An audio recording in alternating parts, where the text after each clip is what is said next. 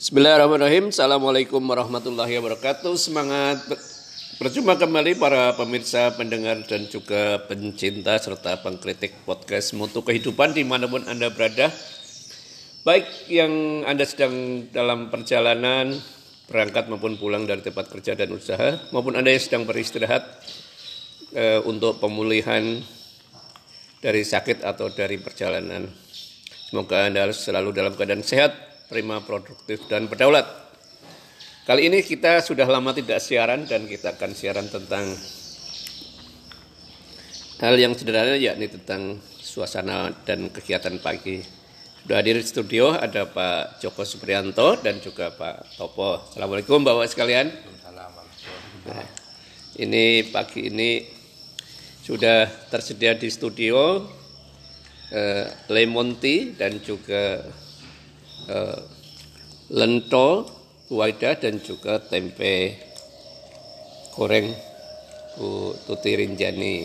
Nah, terima kasih kepada para pemasok pemasok ya, ini sumber daya pagi untuk keber, mengundang keberkahan dan rezeki pagi ini. Uh, mungkin sedikit mengulik uh, kepada Pak Topo dulu nih Pak Topo ini uh, musim kemarau ini apa yang dirasakan dan apa yang diupayakan ini Pak Topo di musim kemarau ini Pak Topo? Di musim kemarau rasanya hari ini dingin Pak. Kalau pagi, Pagi ya. hmm, kalau siang, Ma- ma- malam malam malam ya dingin Pak. hmm, Kalau siang anu sumuk hmm, panas loh. panas. Hmm. So. Kalau pas panas apa yang dilakukan Pak Topo? Apa banyak di rumah atau di bawah pohon? Ya di rumah tapi di belakang rumah Pak. Ya ada pohonnya agak hari lindang. Hmm. Nyesis begitu ya? Persis. Hmm, ya ya. Hmm. Memang pada musim kemarau itu untuk di Wonogiri ini pada pagi hari berkisar antara 18 eh, sampai 20 derajat sebelum subuh dan eh, beranjak-beranjak hingga nanti siang hari agak ekstrim sampai ke 31 33 derajat gitu. Dan eh, kita sekarang ke Pak Joko. Ini eh, musim panas ini kan banyak mendera fisik gitu Pak Topo, Pak Joko ya. Apalagi yang dalam di lapangan bekerja di lapangan maupun dalam perjalanan ya. Ya. Nah, hal-hal apa yang perlu diperhatikan ini Pak Joko Suprianto agar stamina tubuh tetap terjaga meskipun deraan panas matahari di musim kemarau ini eh, sangat keras gitu, Pak. Pak Joko. Silakan Pak Joko. Ya, terima kasih. Eh, dari segi psikologi, jadi dari segi fisiologi ya, fisiologi. Jadi itu tentunya kita untuk menghindari de- dehidrasi. Ya, jadi dehidrasi- Kekurangan cairan. Kekurangan cairan di tubuh kita dengan kita banyak minum dan kita banyak mengkonsumsi apa makanan-makanan yang berserat gitu. itu itu yang untuk dari fisiologi. Yang kedua memang kita untuk eh, menghindari eh, tatapan langsung dengan cara ya kita me- memakai apa ya pelindung-pelindung. Alat pelindung untuk diri jadi misalnya kacamata atau mungkin kita juga memakai apa Kopi, caping. caping itu kalau kita berada di langsung ya di matahari langsung Kalau untuk ibu-ibu ini gimana Pak? Pakai apa ya Pak? Kalau biasanya ada ada masker-masker gitu Pak. ya Ada Ya, yang untuk ada ada pakai namanya apa mola apa bedak apa ya namanya itu ya? Krim Ya, ya bedak krim pendingin ya. krim jadi ya, krim pendingin. Tetapi eh, kan sekarang itu ya karena krim pendingin itu itu kadang eh, pembuatannya itu kecenderungannya itulah. Kecenderungannya itu mengandung apa itu? Bahan kimia berbahaya. bahan kimia itu. Jadi Oh. kalaupun yang pakai itu yang herbal atau yang tradisional begitu biar tidak karena efeknya itu karena kulit sangat sensitif Oh. Jadi perlu berhati-hati ya Pak Joko ya. perlu perlu berhati-hati untuk anu, Hmm. gitu. Terus kalau pagi hari apa yang perlu dibiasakan Pak Joko agar agar tubuh sehat ya pagi hari ini di musim kemarau ini? ya pagi hari kalau untuk di musim kemarau ya seperti biasa kalau tidak banyak efeknya dah jadi Hmm, ya. kalau itu aja dulu pak Oke, Iya. baik. Jadi begitulah para pemirsa sekalian, bahasa bahwa eh, musim penghujan maupun musim kemarau itu adalah dua masa yang dipergilirkan oleh Allah, ya, untuk memberi kesempatan kepada makhluk-makhluk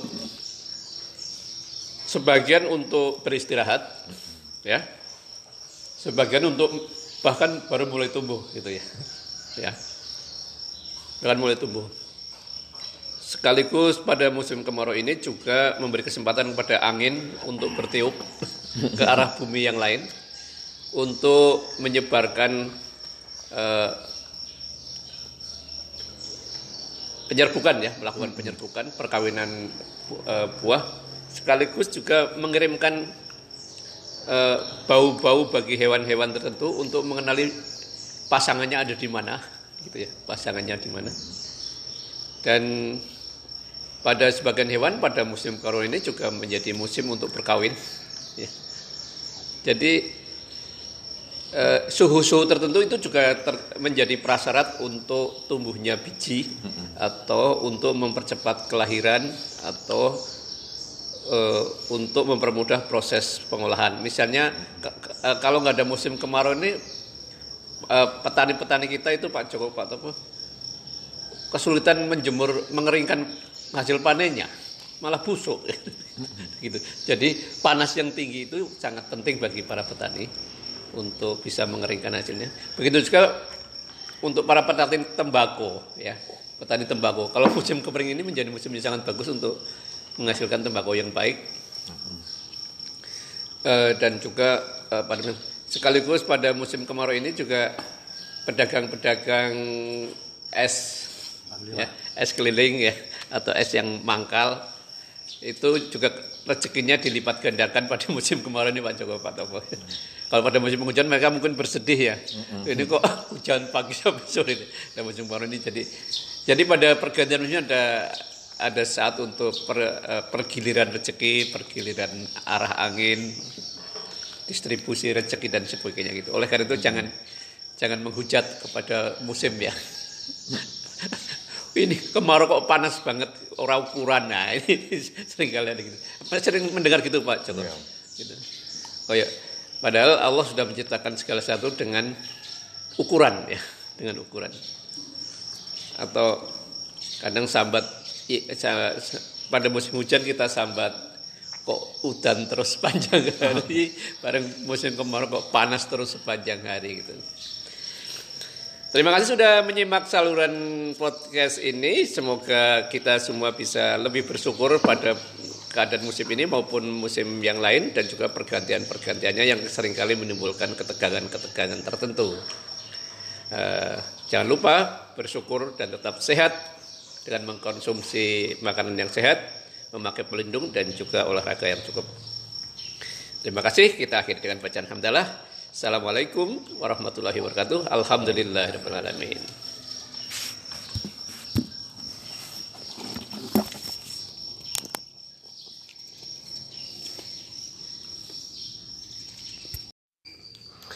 Assalamualaikum warahmatullahi wabarakatuh. Semangat berjumpa kembali para pemirsa, pendengar, dan pengkritik podcast Mutu Kehidupan di mana pun Anda berada, baik yang sedang beristirahat, persiapan dalam perjalanan maupun kembali dari tempat kerja dan berbisnis. Senang kami bisa menjumpai Anda. Semoga Anda selalu dalam keadaan sehat, prima, produktif, dan berdaulat. Kali ini kita akan uh, menyampaikan tentang renungan hal-hal yang perlu diperhatikan ketika memasuki masa pancaroba dari uh, musim kemarau panjang menuju musim penghujan. Uh, kemarin ketika kemarau panjang, panas atau temperatur yang menyentuh hingga 39 dan 40 derajat Celcius menyebabkan kondisi udara sangat panas dan berdampak kepada mengeringnya sejumlah tanaman baik di hutan, kebun maupun di sawah dan juga di taman-taman kita. Kondisi kering menjadi masa yang penting untuk tanah beristirahat sejenak dari proses eksploitasi sekaligus panas juga memberi kesempatan untuk tanaman-tanaman buah tanaman-tanaman palawija untuk bisa berkembang uh, tumbuh bunga biji menjadi buah dan kemudian bisa terus berlanjut Eh, musim kemarau panjang sekaligus juga menjadi masa istirahat untuk hewan-hewan yang selama ini tergantung dengan air. Mereka masuk ke bagian paling bawah, bahkan ke lumpur paling bawah, sehingga kemudian mereka tetap masih punya kelembaban. Nah, pada minggu-minggu terakhir ini sudah mulai muncul produksi awan yang relatif banyak pada jam-jam pagi, siang maupun sore hari dan uh, sejumlah huj uh, hujan meskipun dengan intensitas rendah masih sudah mulai turun di beberapa daerah.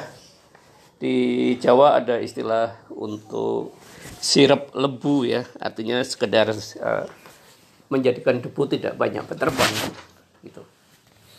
Sehingga uh, sekaligus untuk menjadi penyapa bagi sejumlah tumbuhan untuk bangun dari tidur panjangnya dan mulai mempersiapkan sistem produksi bijinya.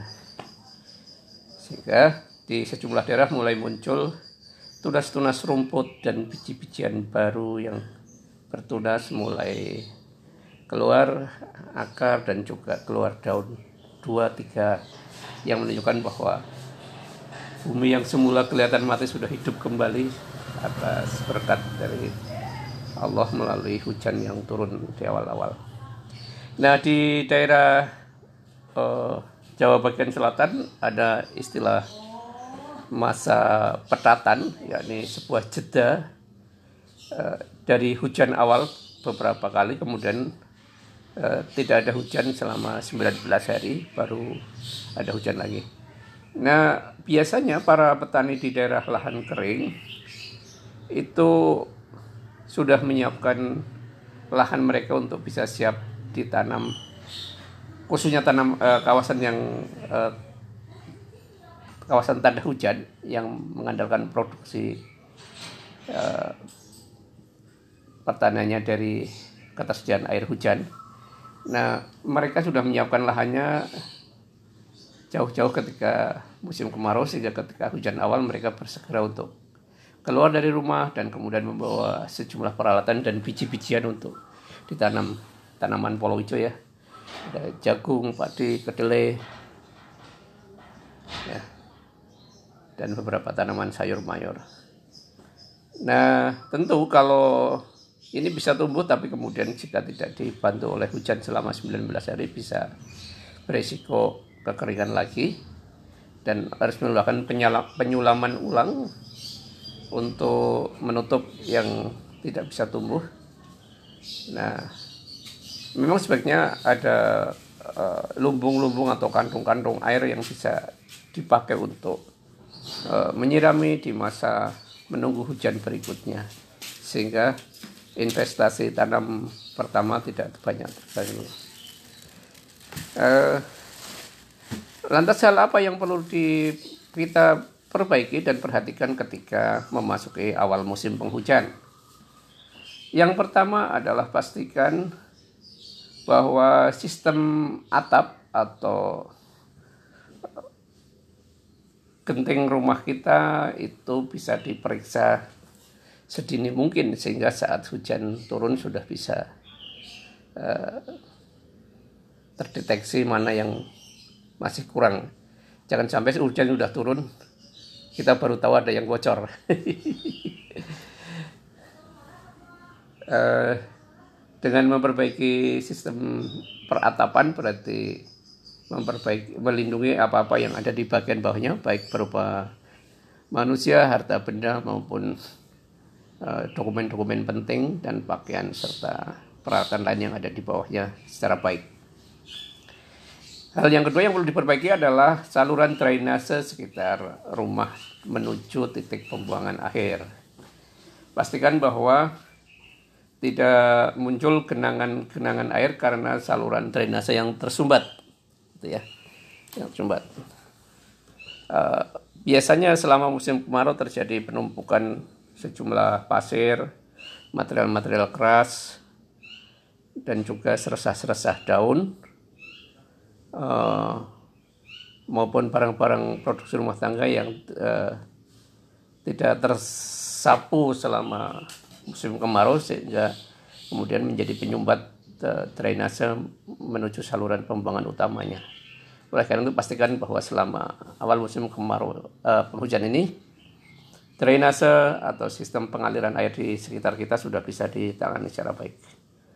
Yang ketiga, yang juga penting untuk diperhatikan adalah peningkatan stamina tubuh untuk eh, menghadapi eh, perubahan cuaca yang sangat ekstrim dari panas, hujan, gitu ya, yang eh, kadang waktunya tidak bisa menentu, kita bisa kita prediksikan secara pasti, sehingga kesiapan tubuh yang sehat untuk tetap bisa produktif bisa dijaga dengan baik.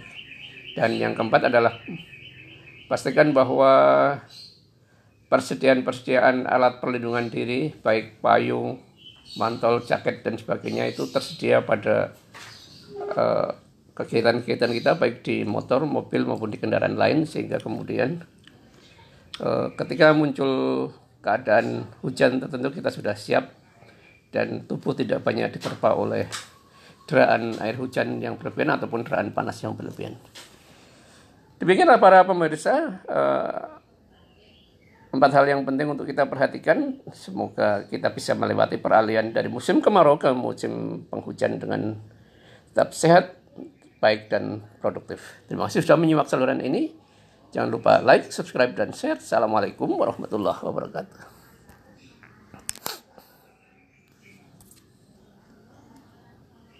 Bismillahirrahmanirrahim. Assalamualaikum warahmatullahi wabarakatuh. Semangat berjumpa kembali para pendengar, pemirsa dan juga pengkritik podcast Mutu Kehidupan dan juga umat berdaya. Kita pagi ini sedang melakukan siaran bersama. Eh, semoga Anda selalu dalam keadaan sehat, prima, produktif, dan berdaulat kita sedang memasuki musim kemarau, musim penghujan setelah uh, menghadapi kemarau panjang dan telah hadir di studio ada Pak Joko Supriyanto. Assalamualaikum Pak Joko. Waalaikumsalam warahmatullahi wabarakatuh. Ya, dan juga ada Pak Topo yang sudah selesai dari urusan di belakang. Ya. Waalaikumsalam. Uh, ini Pak Joko apa yang perlu diperhatikan oleh orang tua yang menyekolahkan anak-anaknya khususnya di sekolah menengah pertama yang itu harus menempuh jarak tertentu ya dengan kendaraan bermotor baik roda 2 maupun roda 4 ketika awal musim penghujan ini Pak Joko. Oh, Oke, okay. oke, okay. terima kasih uh, di musim penghujan ini adalah masa transisi dari musim panas ke musim penghujan hmm. sehingga uh, kita memang perlu mempersiapkan hal-hal yang berkenaan dengan uh, persiapan menghadapi musim hujan khususnya untuk para siswa hmm. uh, durasi belajar di sekolah itu kira-kira uh, jam 7 sampai jam 2 atau 7 jam ya? Ada yang sampai jam 1 juga ada. Tergantung kalau untuk yang SMK itu karena lima hari kerja sehingga sampai jam 4 gitu. Dan yang untuk yang SMP atau SD ya tetap masih dikurangi kurang dari itu. Eh, karena masa transisi tentunya eh, saat ini sebagian besar siswa-siswa kita itu memang memakai moda angkutan antar jemput ya, ya antar jemput ya. Ada yang pakai sepeda ataupun yang pakai mobil. Nah itu yang khususnya yang pakai sepeda memang harus kita persiapkan. Persiapkan untuk apa? Untuk menanggulangi hujan ini atau untuk berteduh ketika ada hujan paling kita ya juga pakai mantol. Terus Yang kedua eh, bagi mereka yang memakai angkutan umum dan sekarang itu untuk yang angkutan umum memang Trennya menurun ya? trennya menurun. Jadi ya memang kita lebih praktis kita sedia payung. Lebih dari itu yang penting eh, karena ini masa transisi untuk anak sekolah menjaga eh, perubahan ini itu dengan ya tetap menjaga pola hidup sehat gitu aja. Ya itu.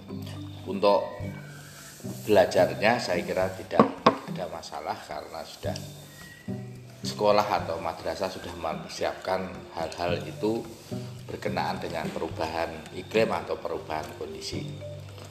Seperti itu Pak Taryanto. Eh, biasanya anak-anak sekolah menengah pertama ini sangat suka mengkonsumsi es dan minuman bersoda Pak ya. Ya, Ini, ini kalau dalam pandangan kesehatan bagaimana ya Pak Joko ya? ya dari pandangan kesehatan memang anak-anak edukasi tentang itu itu memang kurang. Hmm. Sedangkan di pasar atau di lingkungan itu sudah digelontorkan banyak. Akhirnya tidak ada pilihan kecuali itu. Mereka tidak menyadari bahwa eh, minuman-minuman ataupun makanan-makanan yang banyak mengandung zat kimia itu akan berpengaruh buruk terhadap metabolisme di tubuh dalam waktu, jangka waktu yang lama. Jadi kalau untuk saat ini memang tidak tidak terasa atau belum terasa, tetapi dalam waktu yang lama ketika kita sudah memasuki usia tua lah itu, itu baru nanti akan kelihatan, baru akan terindikasi karena penumpuan-penumpuan itu dalam proses lama. Nah, itu saya kira itu yang harus kita perhatikan. Makanya perlunya edukasi untuk kita bisa memberikan pengertian, memberikan penjelasan, pemahaman tentang makanan-makanan yang eh, baik, makanan-makanan yang sehat, makanan-makanan yang halal dan sebagainya.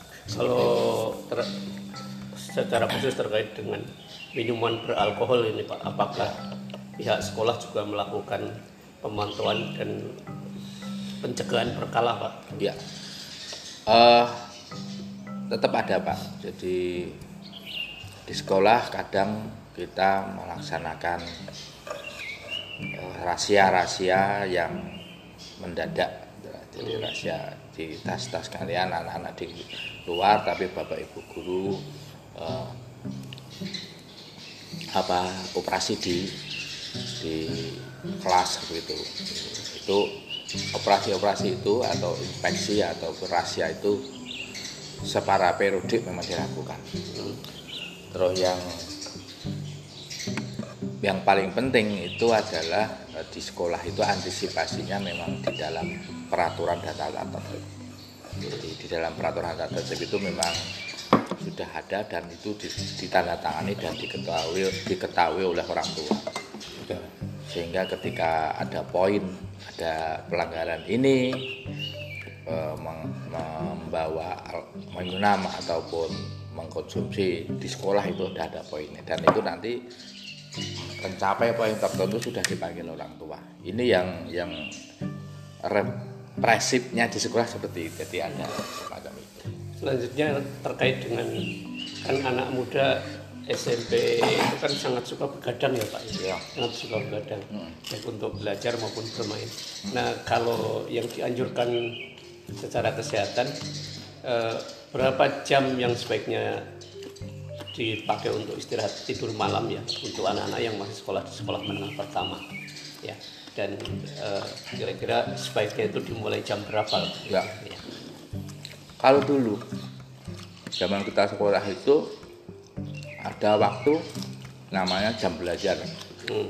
Malah ada regulasi juga beberapa provinsi itu menerapkan jam belajar atau mematikan lampu, mematikan TV. Dulu pada saat itu pada saat maraknya TV. Nah, sekarang itu memang kira itu dilematis. masing-masing pegang gadget ya Masalahnya pegang HP, pegang gadget, dan mereka dengan alasan untuk belajar kadang itu dipakai alibi. Hmm. Oh, ini belajar, ini golek browsing ini bang, kadang itu sehingga kontrolnya memang kurang. Nah ini tergantung dari apa ya dari orang tua karena semua itu kan kalau di di di mana di sekolah kan tidak boleh bawa HP pak. Hmm. Nah, itu. Setelah Selama pak setelah sa- setelah mulai offline ini HP nggak boleh ya tidak boleh boleh. Nggak boleh. Jadi di kelas itu tidak boleh bawa. Nah, terus eh, kalau mereka dari rumah bawa HP biasanya terus disimpan di mana? Di BP. oh ada tempat Jadi parkirnya ada ada jadi set- setiap kelas itu sekarang sedia tempat untuk untuk HP itu di masing-masing kelas atau? Di masing-masing kelas. tapi terkunci ya nanti ya selama?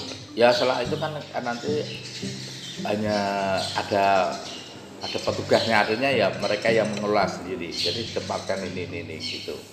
Nanti harus diambil. Insya Allah aman itu kan hanya satu kelas satu kelas masing-masing satu kelas gitu. Dan mereka kan interaksinya di situ terus. Lah itu kalau untuk untuk HP sekarang kecuali kalau HP itu nanti dipakai untuk pembelajaran ya kita pakai itu Nah itu eh, berkenaan dengan HP. Nah tentang durasi belajar itu sekarang ya, durasi istirahat tadi kembali sebaiknya jam berapa ya sebetulnya itu setelah isya. Kalau itu jam 7 sampai jam 19 itu sudah cukup belajar malam itu. jam 19 sampai jam 21 maksudnya Oh, 21 itu sudah cukup sebetulnya. Hmm. Cuma sekarang kan aturan itu eh, ya, semakin terkikis dengan banyaknya apa ya gitu. Anak-anak mabar itu sampai malam. Hmm. Nah itu yang itu tergantung dari orang tua lah gitu. Karena ada posisinya banyak di rumah. Saya kira itu Pak. Oke, demikianlah para pemirsa sekalian. Jadi penting bagi para siswa dan juga orang tua dan juga para guru untuk untuk eh, turut menjadi bagian dari sistem dan proses pendidikan, memberikan kondisi yang kondusif, kontrol yang memadai, tapi dengan memberi ruang yang ruang kreatif belajar eh, bagi anak-anak yang masih bersekolah. Terima kasih sudah menyimak eh, saluran ini. Jangan lupa like, subscribe, dan share. Assalamualaikum warahmatullahi wabarakatuh. Kita hari dengan bacaan hamdalah bersama. Alhamdulillahirobbilalamin.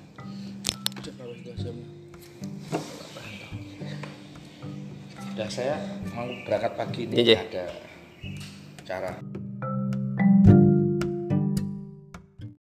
Assalamualaikum warahmatullahi wabarakatuh. Semangat berjumpa kembali para pemirsa dan juga pendengar podcast Mutu Kehidupan. Di mana pun Anda berada, baik yang sedang beristirahat, bersiap maupun kembali dalam perjalanan. Kita pagi ini sedang mengayuh bagyo ya, atas eh, prestasi akademik yang dicapai oleh owner podcast Umat Berdaya, Pak Haji Joko Supriyanto yang baru saja menyelesaikan eh, tugas akhir disertasinya untuk strata tiganya di UIN Raden Mas Said Surakarta. Eh, beliau telah hadir eh, di studio dan didampingi oleh Pak Margono dan juga Pak Topo. Assalamualaikum Pak. Waalaikumsalam. Ya. Eh, yang pertama atas nama podcast Mutu Kehidupan kami sampaikan selamat dan semoga berkah dan bermanfaat. Amin. Ilmunya untuk agama dan bangsa. Ya.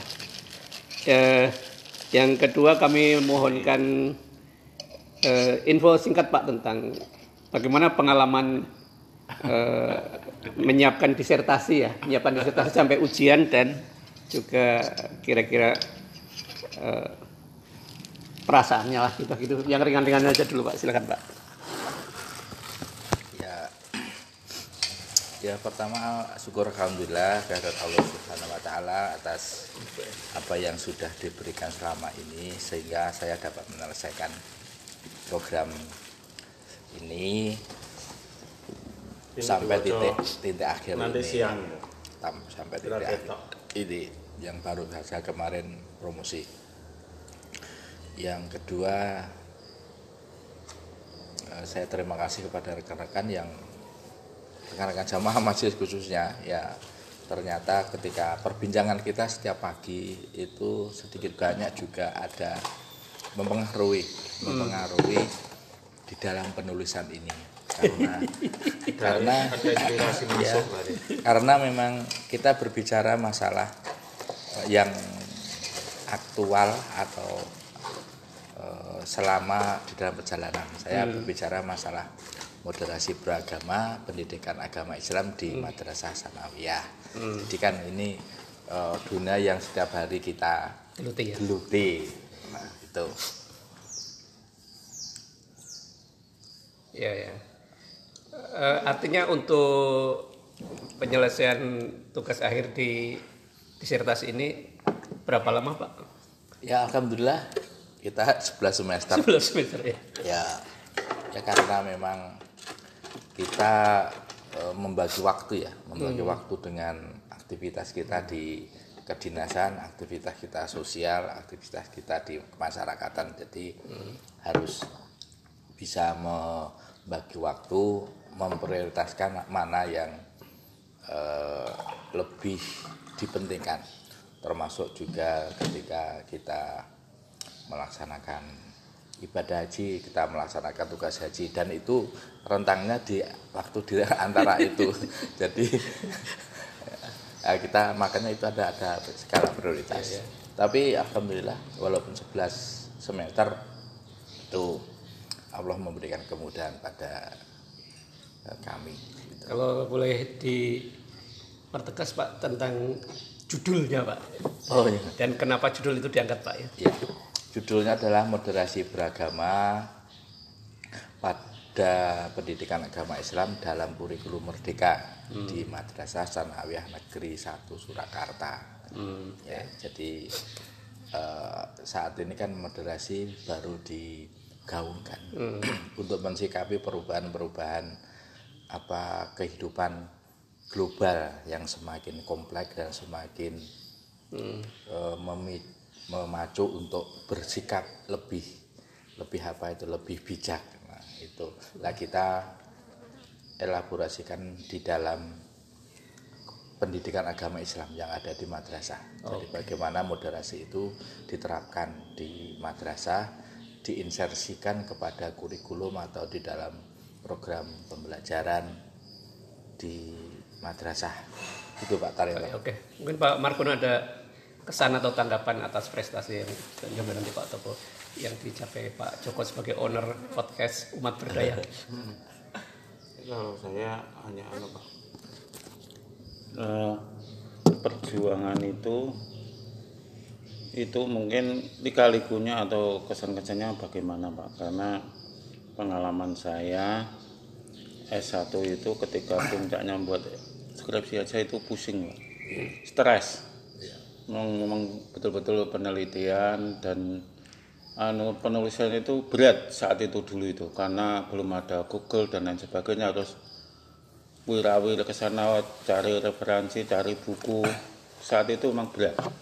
Sehingga mungkin kalau satu tahun itu bisa menyusun skripsi itu sudah tercepat saat itu pada saat itu. Lah mungkin Pak Joko eh, gimana eh, lika-likunya atau perjuangannya untuk menyusun disertasi ini sehingga dapat selesai Pak. Kalian Pak Topo mungkin ada kesan, tanggapan atau pertanyaan? Ya, makasih Pak Tanyo. Kalau saya mungkin pertama langkah pertama Pak Joko niat men- menempuh strata tiga. Jadi artinya waktu dia dinas maupun sekolah lah waktunya anu Pak membantu aku selama 11 bulan tuh 11 lumayan ya. 11 semester ya semester 11 semester berarti lah 3 kali 11 Pak. Ya. 3 bulan kali 11 ya. Artinya tuh mengeluarkan yo ya. Mengeluarkan banyak Pak. Banyak yo segi material maupun lagi. Intinya Pak Joko itu niat satu pertama nama itu Bismillah mau menempuh S3 Pak. Untuk tingkat doktoral ya. Itu itu Alhamdulillah banget Pak Joko bisa menempuh sampai lulus wisuda sampai membuat disertasi sudah dinyatakan lulus dengan sempurna. Iya, iya. Oke. Artinya sebe- sebegitu orang bisa menyelesaikan tingkat doktoral Pak. Iya, oke. Generasi satu-satunya Pak. Dari saya Pak Joko. Silakan, Pak Joko. Ini tanggapan atas Sebagai pertanyaan dan juga Pelopor dan contoh generasi muda Ya. bahwa menuntut ilmu nantinya itu Eh, menjawab pertanyaan Pak Margono ya memang apa ya betul butuh perjuangan saya meneliti ini kan sama seperti Pak Margono sesuatu yang baru jadi moderasi akhirnya kan baru sesuatu yang baru yang baru digaungkan eh, 19 tahun eh, 2019 kemarin oleh dan, dan masih mencari bentuk ya. Ya. dan tidak banyak referensi yang tidak banyak referensi yang atau literasi yang ditulis oleh para cendekiawan cendekiawan jadi mereka hanya mereka eh, pandangan-pandangan atau wawasan dari para ilmuwan itu. Sehingga literasi tentang moderasi itu sendiri itu itu sangat minim. Tetapi ya karena Allah itu maha apa ya maha kuasa maha kaya maha apa pun ternyata alam alam dan lain sebagainya itu bisa dipakai literasi termasuk Al-Quran itu bisa dipakai literasi. Banyak dari apa banyak dari literasi-literasi itu memang kita ambilkan dari surat. Surat eh, dari dari Al-Quran. Karena kita bersikap apa moderat atau bersikap pertengahan. Nah itu. Walaupun Al-Quran itu dogmatis tekstual ya. Nah, ya dogmatis dan tekstual ya. Dan doktrinal. Tetapi itu ternyata ketika kita kupas secara mendalam, itu memang nilai-nilai moderasi itu memang sudah sana. sudah ada, sudah ada dal- eh, di dalam Al-Quran itu sendiri. Nah tentang tentang ya Allah itu maha kaya Pak Topo, jadi eh, saya ya tidak memberikan awalnya tidak memberikan dari mana, tetapi ya mengalir saja ketika itu ternyata Allah itu lebih lebih perso, lebih tahu, lebih kaya dan ya akan memper- memperhatikan hambanya gitu. Dan saya tidak memperhitungkan itu, tetapi ya mengalir saja gitu. Ya, se- seperti itu Pak. Oke, mungkin sebagai penutup eh, ini Pak Joko. Apa yang dirasakan penting dari forum majelis pagi tiap subuh ini dalam membantu memberikan inspirasi atau sebagian kecil dari muatan di eh, disertasi tersebut Pak? Iya. Iya. Ya, ya ternyata perbincangan-perbincangan kecil ini itu itu yang yang anu bisa apa ya bisa me- mengumpul jadi atau jadi me- mere- direduksi jadi satu satu apa ya satu Oke. ide jadi ide oh iya iya lah gitu loh jadi ternyata oh iya seperti itu jadi ketika ada sesuatu yang disampaikan hanya mungkin sekali sekali mat itu nanti mengembangannya jadi oke gitu loh Atau atau mungkin juga pertanyaan dosen itu pernah ditanyakan di forum pagi ini. ya Ya. Oke, terima kasih Pak Joko, Pak Margono dan juga Pak Topo atas kunjungan ini. Semoga disertasi Pak Joko memberi manfaat untuk beliau, keluarga dan juga masyarakat Indonesia ya. Amin. Amin. Dan kita akhiri dengan bacaan alhamdulillah bersama. Alhamdulillahirobbilalamin. Assalamualaikum warahmatullahi wabarakatuh. Waalaikumsalam warahmatullahi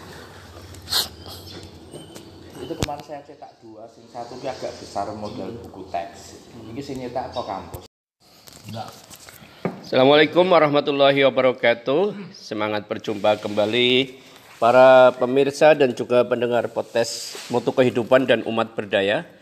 Kali ini kita sedang eh, melakukan siaran pagi bersama dan secara spesial eh, pagi ini Bapak Dr. Haji Joko Supriyanto akan berbincang-bincang dengan eh, para santri yang nanti akan bisa diwawancari oleh beliau. Silahkan Pak Joko, mungkin ada pertanyaan-pertanyaan untuk para santri. Pak Joko, silakan. Tadi sudah banyak pertanyaan. Hmm. Khususnya pada Baim. Hmm. Ini semua sudah sama Ipari. Masih sakit perutnya? Enggak. Enggak. Semangat dulu.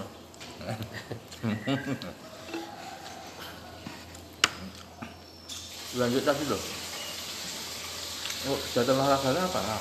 Olahraga oh, olahraga biasanya oh, kuda. Kuda sama mana? Sudah pernah naik kuda? Oh, semester ini belum. Tahun dep eh semester depan habis tahun habis tahun baru ini. Kudanya banyak loh. Lumayan iya belasan.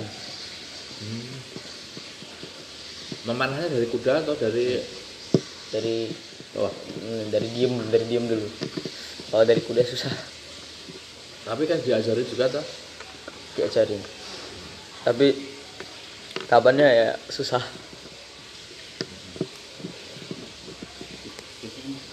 Kalau Givari apa olahraganya Givari? Hmm? Mainan mana? Coba bola bulu tangkis itu udah ada. Tapi anu tidak lagi.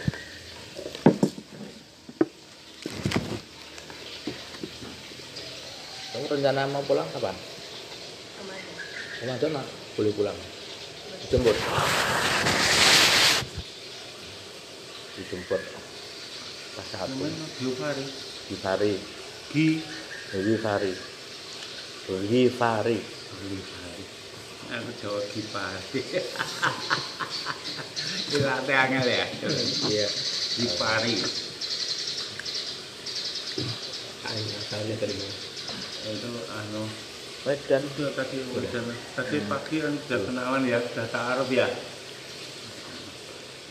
Itu ada perasaan kalau udah lulus dewasa ke sini lagi mampir rumah saya selatan masjid ya Nah, jangan khawatir kalau nggak pulang.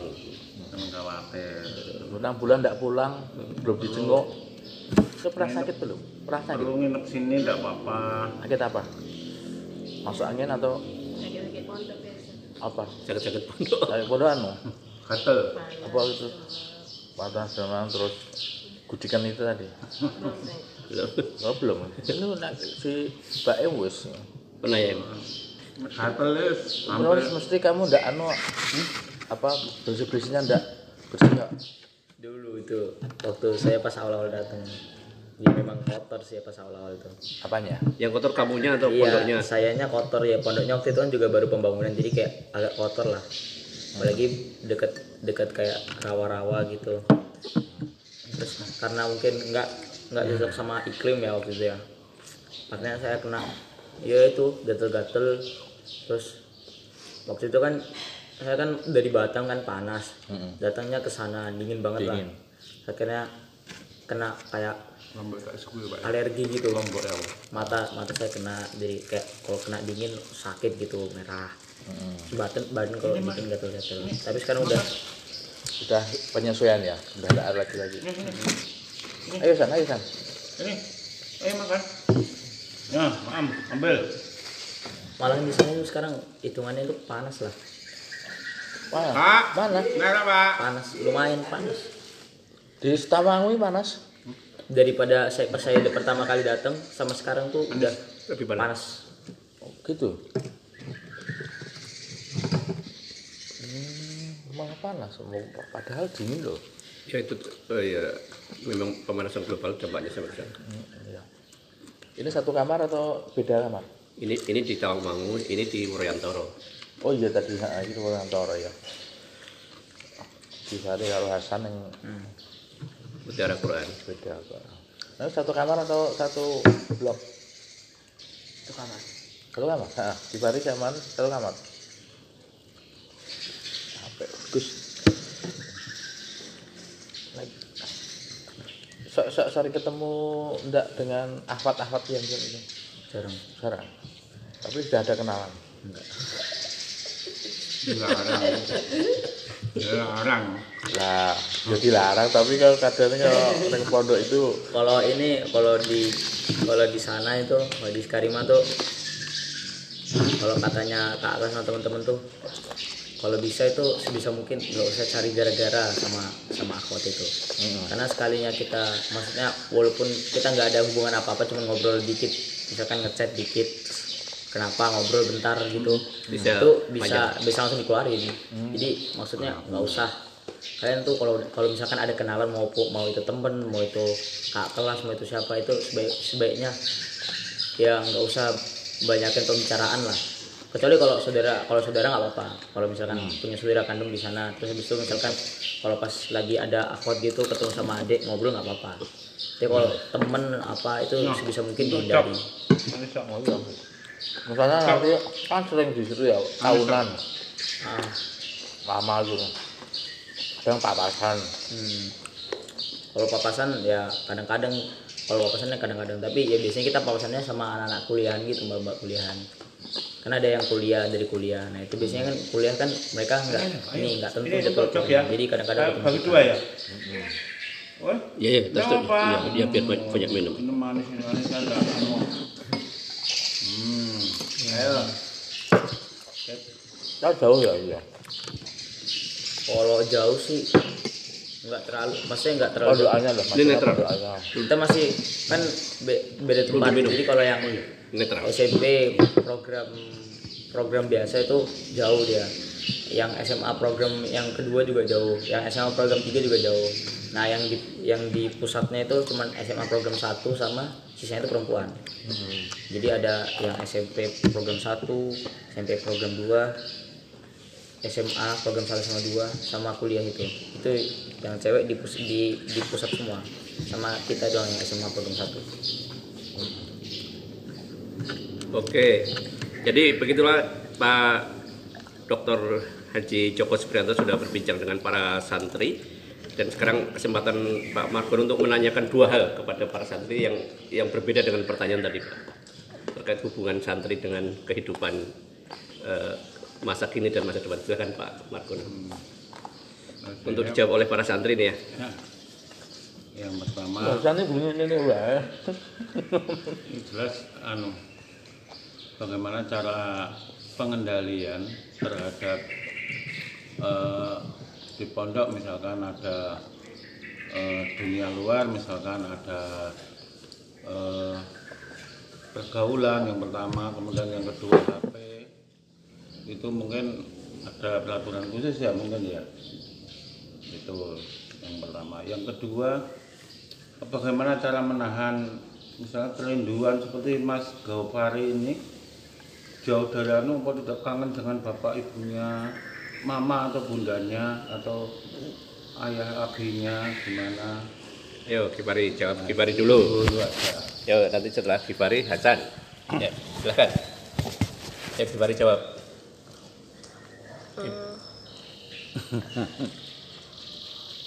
Apakah ada peraturan di eh, pondok terkait dengan itu? Silakan. Kalau HP bisa dititipkan ke Ustadz. hmm. Bisa chatting sama ibunya, bapaknya. Telepon ada kesempatan telepon berapa hari sekali? Sebulan sekali. Hanya sebulan sekali. Berapa lama? Hmm, 15 menit. 15 menit. Dan itu harus antri ya? Ya. Antri. Sering marah kepada teman kalau terlalu lama? Hmm, Gejar. Nah, gitu ya. ya Oke. Kalau Hasan gimana Hasan? dan Yuk. Pak Hasan. Maksudnya siapa namanya? Nah, pra- tentang peraturan itu, Baim. Oh. Dan peraturan di pondok dan bagaimana cara mengatasinya. HP, mainan. Oh, di pondok ya.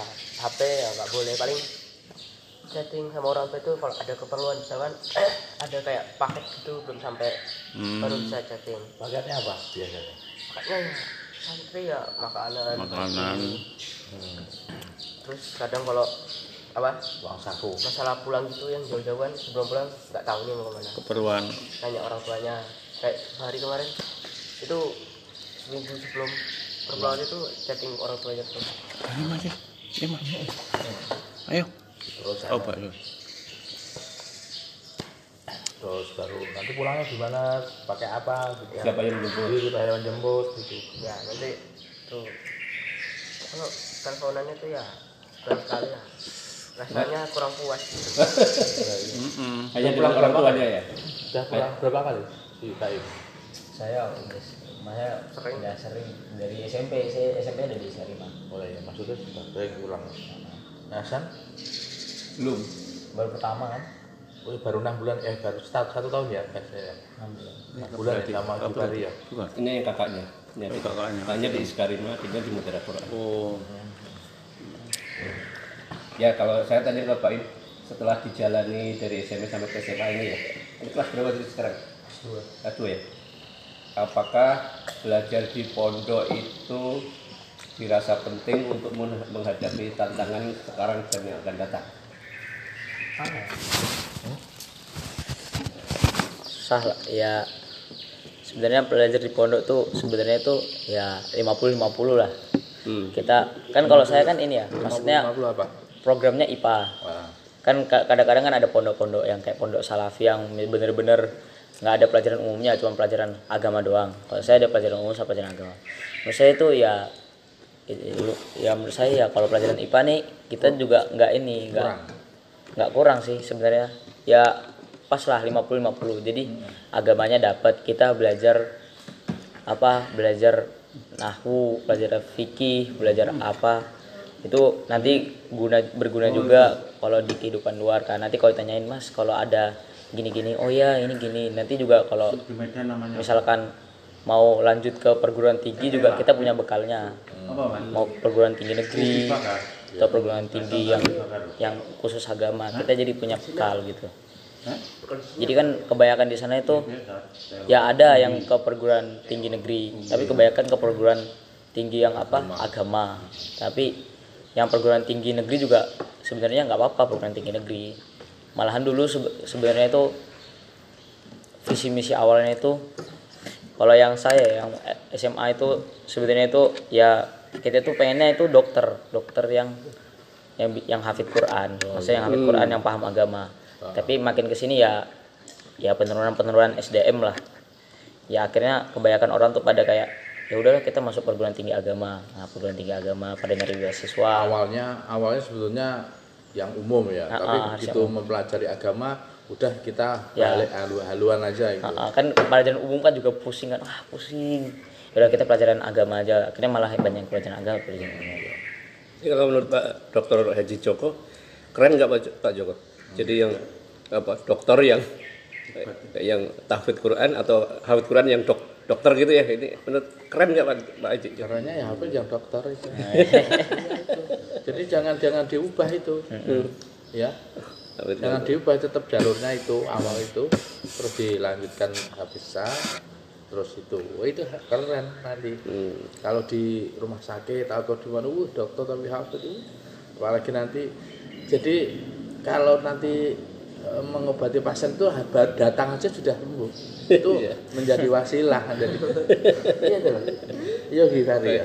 Eh, ini tesnya udah udah bergetar duluan ya? itu jadi penyakitnya sudah Udah udah rontok ya? sudah rontok Kan itu hanya minta resep resep aja ya?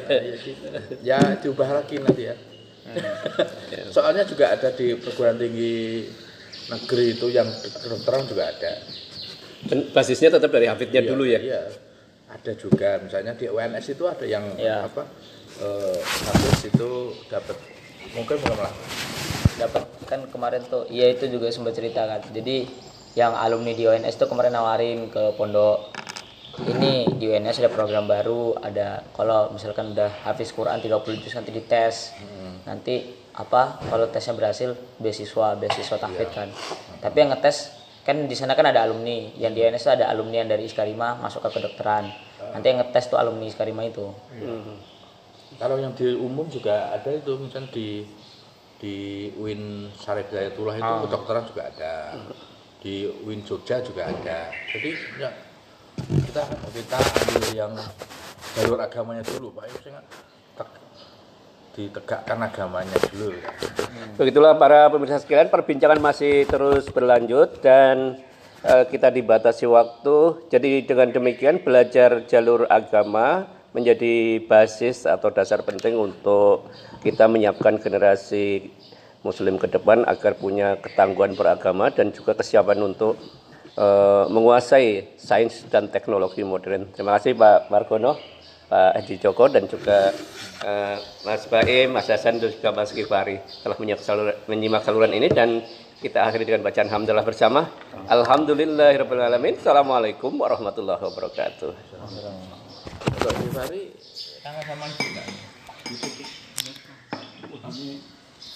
Setahun sekali belum tentu puling ya. loh, Bos. Emang luar biasa loh, Di. Waduh loh. Setahun sekali Assalamualaikum warahmatullahi wabarakatuh. Semangat berjumpa kembali para pendengar podcast Mutu Kehidupan dan Umat Berdaya. Kita sedang melakukan siaran bersama pada kali ini melanjutkan perbincangan kemarin tentang eh, bagaimana mengasah kepekaan dan juga membangun kepribadian di pondok pesantren selama masa mengaji.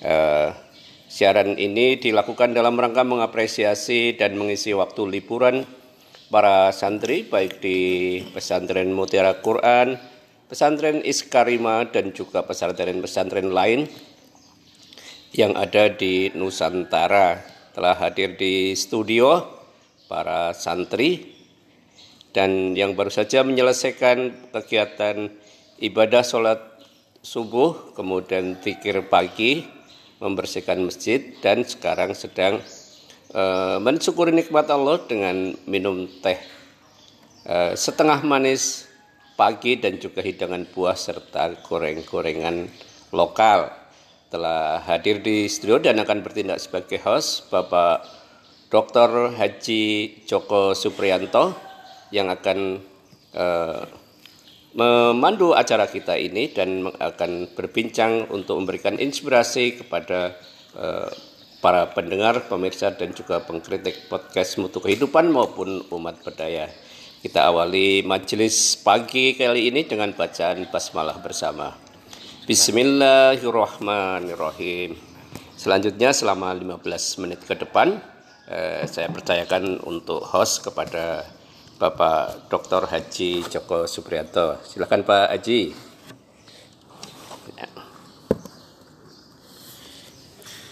Ya, baik. Assalamualaikum warahmatullahi wabarakatuh. Waalaikumsalam warahmatullahi wabarakatuh. Alhamdulillah wa syukurillah la haula wa la quwata illa. Sehat Gifari? Sehat? Nah, suaranya yang keras biar capek. Sehat. Halo Hasan? sehat Sehat. Ada suara serak-serak. Anu, agak ya apa itu mau flu gitu. Lah si Baib tadi mana tadi? Masih kamar mandi. Oh ya. Baik.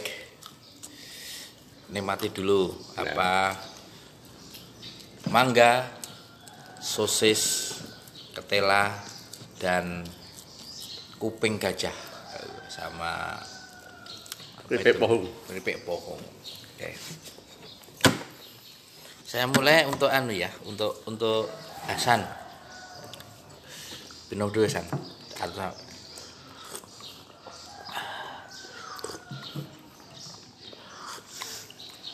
selama di pondok itu untuk mengasah kemandirian itu apa saja San kemandirian pribadi loh ya biasanya kalau di rumah itu belum nyuci sendiri kalau di Nyuci sendiri? ya nyuci sendiri jemur ya jadi diajarkan mandiri untuk diri sendiri dulu Mm-mm. terus mandi nyuci jemur bersih Nah. bersih bersih ini saya bersih dia juga jadi misalnya kan juga ada piket setiap pagi sore Mm-mm. pikat apa kebersihan. Ya kebersihan. Jadi setiap tempat dibagi tiga orang itu yang kecil dua orang satu orang. Kalau yang besar ada berapa blok gitu? Yang, yang harus dibersihkan. Oh, yang harus dibersihkan itu. Belasan kayaknya. Jadi dibagi kan pondoknya besar gitu ya. Jadi ada yang di masjid ada yang di asrama ini pondoknya itu berupa apa? Apa rumah-rumah gini? Enggak ada masjid satu. Mm-mm. asrama tiga terus ada tempat cuci piringnya. Habis itu lapangan. Habis itu halaman depan asrama. Timur selatan asrama. Habis itu ada yang piket paret. Dan paretnya muter parit apa? Parit. selokan. Parit heeh. habis itu ada yang piket depan pondok depan gerbang itu. Hmm. habis itu ada yang piket nyiram tanaman. Oh. Ada yang piket parkiran yang piket kebun halaman rumah ustad 11 blok. jelas jelas halaman masjid ada. Itu eh, luasnya se satu. se sesak Ya satu gambarannya se semana? Sini sama bawah sama Ya, rumah tuh ya. Ya ini separuh krias dulu. separuh kira sih Separuh krias. terus gedungnya itu gedung tra- anu apa? Eh, gedung-gedungnya itu gedung modern atau Yang asrama penduduk? Asrama sudah modern. Eh, di, eh, ngomplek di dalam asrama. yang asrama Abu Bakar itu aslinya udah apa jadi kayak awalnya tuh cuma kayak joglo tua gitu terus direnovasi jadi baru. Terus tuh kalau asrama satunya itu belum. Kan ada tiga yang satu itu udah direnovasi yang satu lagi tuh baru dibangun. Satu lagi masih lama udah. Nah, Gifari ada berapa yang apa itu? Asramanya itu lantainya berapa? satu semua Satu semua. Yang dua tiga masih dalam pembangunan. Oh, tapi mau tingkat juga ya? Jadi tingkat. Hmm. Eh, pendinginnya AC atau kipas atau AC alam? kipas Kipas. Nah. kalau asrama kan Hmm? Oh ya. pakai kipas sendiri sendiri biasanya kalau biasa Oh, sendiri-sendiri. Kipasnya bawa sendiri-sendiri. Hmm, nggak ada kipas soalnya kalau siang ya panas kalau malam ya dingin Itu pinggir waduk persis. sih. Pinggir Setelah- waduk tuh. Jadi satu setengah kilo dari itu udah waduk. Tepian waduk. tumpahan Ya. untuk yang tumpahan air gitu Sering untuk kemandirian misalnya untuk wirausaha itu, untuk usaha Iya. buat apa-apa itu ada enggak? ya pada mengajarkan cara biar kita itu bisa berkebun. Kebunnya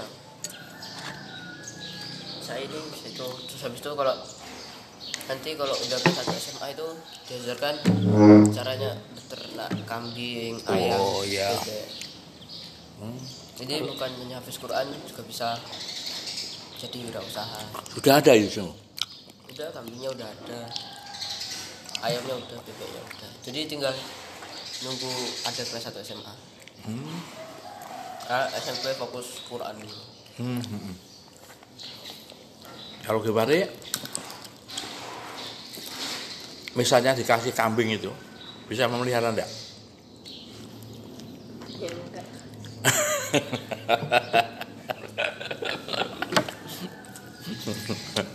Belum bisa ya? Ini sambil, sambil liburan sambil belajar. Makanya kalau sore mereka eh, Tidak pagi, pagi ke sana ke kandang saya. belajar jadi sambil belajar. Ya dari pelajaran dasar banget. Jadi membersihkan pakan rumput yang sisa semalam. Yang yang bersihkan kandang kemarin di kandang ada perbaikan kandang terus di hari pelajaran kemarin apa mencabut paku bekas di kayu Oh iya. Hasan kalau Hasan sudah bisa membuat pagar sederhana. Terus kalau Baim sudah bisa membuat tiang-tiang untuk kandang. Hmm, iya. Jadi itu, ini- itu hak memang bagus. Jadi jadi bagi mungkin bisa ditanyakan pengalaman mencabut paku mungkin Pak Joko. Kalau pengalaman menyabut aku gimana? Kamu kalau menyabut paku gimana? misalnya pakai apa nyabutnya pakai tang atau pakai linggis linggis pakai apa nyabutnya Apa mama? Ya, linggis, linggis. linggis Nah, linggisnya di, terus di- gimana Gimana kemarin? misalnya ini pakunya misalnya ini pakunya gimana kemarin? gimana Gini. Lu masak sini ya? Enggak gini. Mm-mm. Oh gitu. Eh, sebelumnya pernah belum mencabut paku? Belum. Belum. Jadi memang gitu Pak Joko anak milenial, anak Iya. Gen Z itu memang Iya, betul Pak. Lah anak saya itu iki ini ke sawah aja loh. Sawah kok kayak piye ngono itu tidak ada gambaran sama sekali. jadi ini jadi ini, ini dengan liburan di sini kan artinya Iya. eh, bas- sangat basic ya pengalaman. Kalau Hasan sudah karena dua, dua kali libur sudah bisa dalam perbaikan kandang dan dan ini sudah bisa membuat pagar misalnya.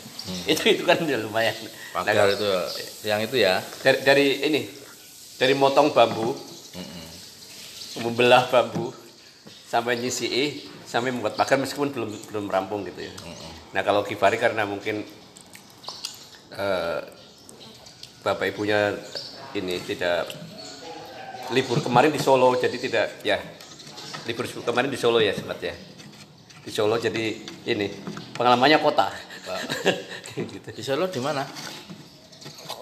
Kurang tahu. Ya. Pak, maksudnya? Tapi di rumah teman. Di rumah teman. Di, di rumah teman. Iya, karena bapaknya juga karena liburnya hanya tiga hari kemarin ini Oh, tiga hari di, di rumah teman terus di kota. di kota. Jadi ini eh, kegiatannya ya mungkin cuma jalan-jalan, ya. Sama kegiatannya tidur tidur. Iya. Nah, iya. Iya memang sekarang itu anu itu kayaknya perlu ya kepada anak-anak itu kita perkenalkan model-model gitu. Mungkin mungkin cara nebang nebang ka- bambu atau nebang kayu atau nebang pohon itu tidak bisa loh, Pak. Hmm.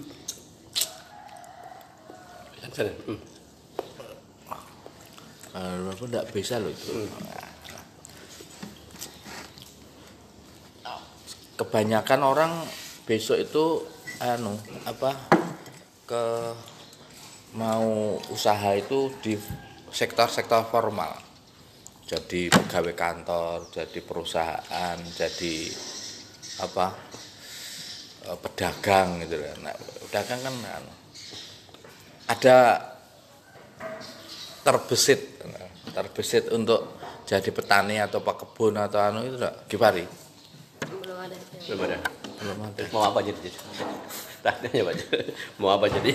Nah, terus jadi apa kira-kira besok tadi kemarin sudah disampaikan loh mau dari Ustadz Hmm, kira-kira apa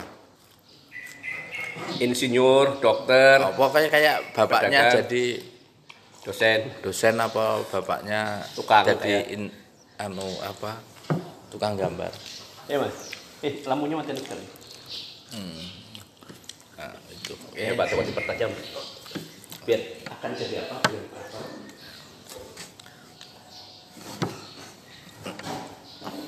Tapi apa anu Bapak sering ngasih apa pertanyaan enggak? Kamu besok seperti ini atau diarahkan Bapak gimana? San. Apa? hmm, kayak dikasih nasihat gitu Eh, nasihatnya apa? Besok jadi ini gitu atau jadi ini you know. ya katanya jadinya terserah aja Hah? Nah, terserah mau jadi apa yang penting ilmu agamanya ada hafal Quran Oh, terserah mau jadi dokter ya dokter hafal Quran oh ya, terserah aja tapi harus itu harus agamanya ada terus hafal Quran itu. Se- sering dikasih tahu orang tuanya besok kamu hafal Quran tetapi harus jadi ini atau mungkin seperti ini. Nah, gitu ada. Heeh. Terus jadi apa? Jadi apa? Belum. Belum Masalahnya kasih itu yang kan dikasih kasih orang tuanya. Kamu Ri, Gifari, besok kamu hafal Quran, tapi ya nanti ya kalau bisa dagang atau tapi ya buat kapal atau buat mobil itu. Belum, belum dikasih tahu. Atau kalau diberitahu, nunggu diberitahu atau membuat cita-cita sendiri? Maksudnya belum belum tahu cita-cita. Nah, ya, setelah naik pesawat, ya kan? Jalan-jalan, naik bis. Gambarannya itu loh. Mau kalau untuk untuk hidup kan harus makan, ya kan? Untuk hidup harus makan. Untuk bisa cari makan itu, itu kita harus kerja apa? Atau usaha apa? gitu. Apakah akan jadi dokter? Jadi tukang, nah itu. Apa jadi guru? Apa tukang kebun apa tadi mau peternak? belum tahu. Ya, nanti beri tanyakan ke bapak ibu ya. Eh, ke- Pak, baiknya kira-kira saya Jadi apa? besok jadi apa? Baiknya gitu lah Iya. jadi ya. Hmm. Baiknya dia apa itu? Tanya yang, Yang Mbak Em iki, Mbak Em. Eh. Perutmu saja eh sakit, Kim. Perutmu sakit toh? Hmm, Kok lama sekali di atau mungkin dibanding dengan yang sudah mungkin apakah sudah mengerucut atau Ah, kalau Pak Em itu anu apa selain penghafal Al-Quran itu kira-kira ke depannya besok itu punya angan-angan jadi apa itu loh? Profesi profesi. Profesinya. Pengusaha. Oh, sip, bisnis ya? Sip, ya. ya sekarang mulai sekarang pengusaha mulai. Mulai ah, usaha apa gitu lah kenapa namanya? Penak lele. Hah? Penak lele kenapa kau jadi pengusaha ya apa namanya biar fleksibel aja Oh begitu, tidak ter apa terkangkang dengan aturan-aturan. Arti- Artinya tidak diperintah itulah. Ah, iya iya. Tapi bagus, jadi mandiri, jadi bisnismen ya? bisnisman. oh, mantap Oke pak, Mantap. itu. Ya. Oke, jadi begitulah para pemirsa sekalian. Eh, memang eh, belajar agama itu menjadi basis penting untuk menyiapkan generasi-generasi eh, muda kita dan tentang eh, beberapa yang masih kesulitan untuk merumuskan cita-cita profesinya eh, tidak mengapa ya mungkin karena masih masih dini ya Pak Haji Joko Iya. ya masih di, tapi nanti bisa dikonsultasikan kepada bapak ibunya masing-masing. Ini kalau Abi Umi Bapak Ibu kalau saya jadi begini ini masa depannya gimana kan? Kayak gitu ya. Depannya gimana gitu tanyakan nanti ya Kiwari ya tanya. Ya. Eh, dengan demikian belajar itu memang tidak pernah putus. Kayak Pak Dr. Haji Joko Suprianto ini meskipun sekarang umurnya baru 54 eh, dan sudah menyelesaikan doktornya S3-nya dan tapi tidak pernah lupa masjidnya ya tidak lupa menyiapkan generasi mudanya masih masih membersihkan masjid juga kalau kalau pagi gitu Pak Joko ya masih menyiapkan hidangan seperti ini sebagai bagian dari untuk menggembirakan orang belajar, orang beribadah gitu. Terima kasih sudah menyimak saluran ini. Jangan lupa like, subscribe dan komen. Kita akhiri dengan bacaan hamdalah bersama. Alhamdulillahirabbil alamin. Assalamualaikum warahmatullahi wabarakatuh.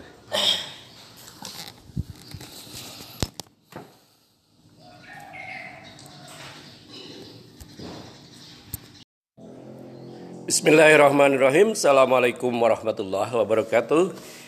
Semangat berjumpa kembali para pemirsa dan pendengar serta pengkritik podcast Mutu Kehidupan di mana pun Anda berada. Eh, Semoga Anda selalu dalam keadaan sehat, prima, produktif, dan berdaulat. Baik Anda yang sedang beristirahat, bersiap dalam melakukan perjalanan maupun kembali dari tempat beraktivitas. Eh, Kali ini kita akan melakukan siaran singkat dengan narasumber Bapak Dr. Haji Joko Subrianto. Assalamualaikum Pak. Assalamualaikum warahmatullahi wabarakatuh. Wah, sehat nih Pak Joko nggih? Alhamdulillah. Ya, kali ini kita akan berbincang tentang hal yang sederhana dalam kehidupan, yakni dalam hal eh, tata kelola waktu, ya tata kelola waktu dalam hidup ini. Eh, sering kali orang merasa begitu sibuknya sampai 24 jam kurang gitu. Tapi ada juga orang yang eh, begitu santainya gitu ya. Sampai bagaimana mengakhiri siang, bagaimana mengakhiri malam gitu. Sampai kayak waktu kok lam- lambat banget gitu Pak Joko ya. Nah, sekarang da- dalam pandangan Pak Joko eh, bagaimana sih sebenarnya kita harus mengelola waktu ini? Kan eh, bagi semua orang kan waktu sama kan Pak 24 jam gitu ya. Tapi kemudian orang berbeda berbeda dalam cara pemanfaat peman- pemanfaatannya ya. Jadi pertanyaan adalah hal-hal apa yang berpengaruh kepada cara orang memanfaatkan waktu mereka gitu Pak Joko. Ya. Ya ya. Jadi eh, menurut saya begini, kita harus bisa membedakan, kita harus juga eh, apa ya menetapkan, menetapkan ada eh, waktu-waktu yang ada sekarang ini. Kalau waktu kan tidak tidak anu ya tidak tidak tambah atau tidak berkurang. Ya segitu aja ya.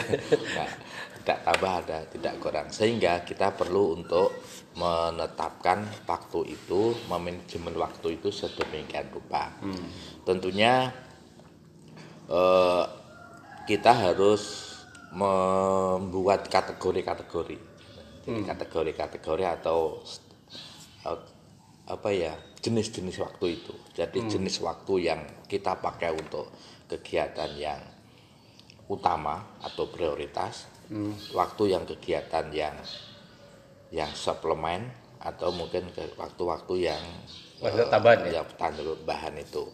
Jadi begini untuk memenuhi setiap waktu itu atau mengisi setiap waktu itu tentunya kita harus ada semacam rencana atau tugas ataupun amanah ataupun Misi. kegiatan untuk mengisi mengisi itu. Nah, tentunya eh, kita harus memper- memprioritaskan waktu itu kegiatan utama kita karena sudah di, dicantumkan di dalam Al-Qur'an itu bahwa eh, bahwa apa hidup seseorang itu ya, inna khalaqtul jinna wa, Wa ma khalaqtul jinna. wa ma khalaqtul jinna wa insan ila liya'budun.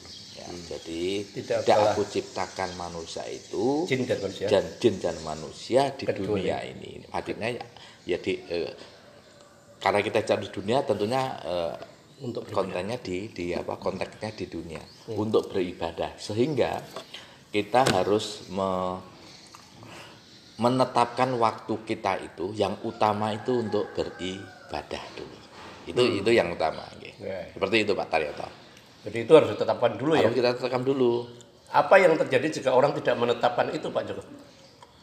Eh, apabila orang tidak menetapkan karena kita setiap waktu itu adalah untuk beribadah jadi waktunya itu ya menjadi tidak utama. Sehingga tugas utama sebagai manusia ya di dunia untuk beribadah terabaikan. Hmm. itu Jadi penggunaan waktu itu tergantung pikiran kita gitu Pak ya tergantung kita tergantung tergantung. Sehingga eh, manajemen waktu itu sangat penting. Jadi, sangat penting dalam eh, apa ya dalam sebuah perencanaan yang hidup perencana hidup kita. Jadi perencanaan hidup kita. Karena kehidupan kita kan dibagi dua ya kehidupan alam dunia. Dunia dan alam alam baka itu. Dan ini meru- merupakan eh, kemampuan atau apa ya eh, mengatur apa mengatur mengatur mengatur kita itu hidup kita nanti itu yang kita harapkan bagaimana. Nah, itu yang yang penting Itu artinya eh, penentuan prioritas, membuat prioritas dalam waktu itu ya. Dalam waktu itu penting agar hidup kita ini terarah dan bermakna begitu Pak Joko ya. ya Gitu. Sebab kalau kemudian hidupnya tidak terarah akan sejadinya. iya Kalau kemudian tidak ada prioritas menjadi maknanya seadanya. gitu ya. Se- Sejadinya tuh gitu. jadinya bukan bukan sebagaimana ditentukan oleh misi penciptaan itu sendiri kan gitu. Ya. Nah, itu. Jadi kita bisa membuat apa ya karakteristik manajemen waktu yang baik. Jadi jadi jadi karakteristik men- kita memanage waktu yang baik itu sebetulnya bagaimana itu. Yang pertama eh, apa ya kita anu evaluasi dulu. ya. Jadi yang kita apa ya kenapa kita memulai dari evaluasi itu karena kita sudah melewati melewati penggunaan waktu kita. Gitu Pak Tanianto ya. Dan itu sejarah ya yang sudah Hmm, berlalu ya. sudah. Jadi Berdasar pengalaman yang sudah, ya dong sudah. maka kita lakukan evaluasi. Isolasi baru kita nanti membuat satu karakteristik Pak bagaimana waktu itu bisa kita kelola dengan baik. Jadi kita evaluasi dulu. Kalau kemudian muncul di ungkapan masyarakat kita, waktu begitu cepat, waktu begitu kurang. Karena untuk bekerja menghidupi sandang pangan, papan, pendidikan, kesehatan, kadang orang sampai nungsang jam balik Pak Joko. Istilah esok nggo awan, awan nggo bengi, sikil nggo sirah, sirah nggo sikil sampai sampai sebegitunya gitu Pak Joko ya. Nah, itu eh, artinya yang kalau sampai keadaan seperti itu evaluasi evaluasinya seperti apa Pak Joko? Apakah wa- em- memang waktunya yang kurang atau pandangan orang terhadap waktu yang yang belum pas Pak Joko? Nah itu yang yang oleh orang itu kok kenapa jadi eh, kita itu serasa itu ya serasa kan ada pandangan-pandangan lain. Jadi itu bisa dikatakan itu adalah anu proses eliminasi. Proses apa ya? Proses eliminasi waktu. Jadi waktu itu seperti kalau kita ko- kompetisi. Jadi kalau kompetisi itu Waktunya mundur ya. Bukan, Habis. maksudnya kalau kita kompetisi itu oh ini mulai dibuang, itu berarti eliminasi. Oh ini tidak perlu dimulai dieliminasi gitu. Jadi proses eliminasi. Jadi ketika ketika eh, kita menggunakan wak- menggunakan waktu itu serasa serasa panjang atau pendek itu tergantung daripada eliminasinya itu.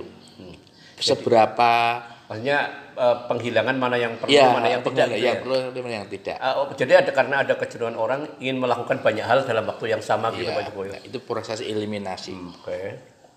Baru nanti kita eh, itu tadi kembali ke setelah evaluasi, terus kita mulai ke perencanaan, perencanaan dan kita menetapkan apa itu skala prioritas itulah, skala prioritas untuk eh, eh, apa ya skala prioritas untuk menetapkan rencana-rencana itu. Kalau misalnya harus diprioritaskan ini Pak Joko eh, waktu 24 jam ke depan itu ya. Itu bagi seorang muslim itu apa yang harus di waktu apa yang harus diprioritaskan. Terus kan ada ada ada yang ibadah wajib ya kan? Ya. Ada keharusan bekerja, mencari nafkah, ya kan? Ya, Atau, atau mengurus rumah tangga ya. mengurus bisnis kayak gitu itu gimana cara Ya, memang kita yang yang pokok sudah untuk ibadah itu sudah tadi ditentukan dan itu menjadi prioritas. Terus yang lain itu tergantung anu. eh, Kita kan eh, bekerja, Pak. Jadi bekerja, jadi beraktivitas. Tentunya kita juga harus eh, mendelegasikan. Nah, jadi mendelegasikan kita kita kan tidak mungkin me- me- Lakukan mencakup semuanya. Jadi kita mendelegasikan kepada kepada apa ya stakeholder kita. Artinya stakeholder kita itu bisa mitra kerjasama ya Mitra kerjasama bisa bisa orang tua, bisa bisa keluarga, bisa Ya. masyarakat dari- dari pendelegasian itulah ya waktu yang sedemikian rupa itu itu nanti akan akan berman, bermanfaat. Di samping nanti waktu-waktu kita yang perlu untuk apa ya beristirahat. Ya, ber- ber- beristirahat itu juga perlu itu. Jadi memang harus ada waktu yang eh, semacam eh, untuk muasabah kalau diri kita. Jadi muasabah itu eh, kita meng- meng- meng- sambil mengevaluasi. Ya, jadi mengevaluasi. ada waktu untuk ibadah Iya. waktu untuk bekerja, Iya. waktu beristirahat, dan waktu untuk muasabah atau Iya. untuk penyegaran lah ya. Penyegaran lagi. Bisa olahraga, Iya, bisa betul. piknik gitu ya, bisa Iya. membaca atau lainnya. Iya. Nah, Saya kira itu. Oke. Sekarang ini Pak Joko muncul tren baru nih Pak Joko. Jadi generasi sekarang munculnya ini. Jadi hidup itu adalah untuk eat, makan, Iya. sleep, tidur, and pleasure, plesir. Senang-senang. eat, sleep, and pleasure gitu. jadi ini jadi enak sekali Pak Joko kan? Iya. makan tidur bersih makan tidur bersih jadi eh, apakah ada ada bahayanya konsep penggunaan waktu yang seperti ini Pak Joko Ya ini akibat oh, akibat